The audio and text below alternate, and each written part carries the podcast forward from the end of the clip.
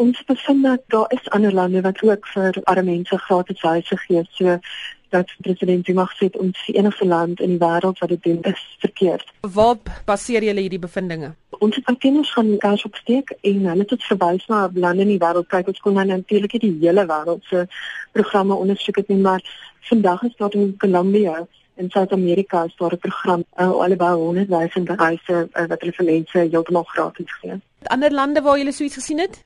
Kyk, daar's baie lande wat in selfs in Suid-Afrika mense met ook net die persepsie regstel dat alle huise is gratis nie. Mense wat onder 3500 rand per maand verdien, hulle kry huise gratis, maar bo dit moet mense 'n bydrae lewer.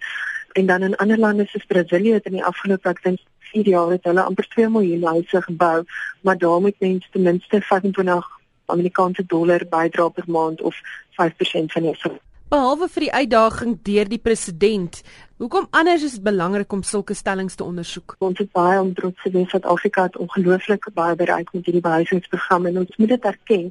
Maar die probleem is as mens net vergelykings tref met ander lande, doen mens dalk nie die nodige introspeksie nie.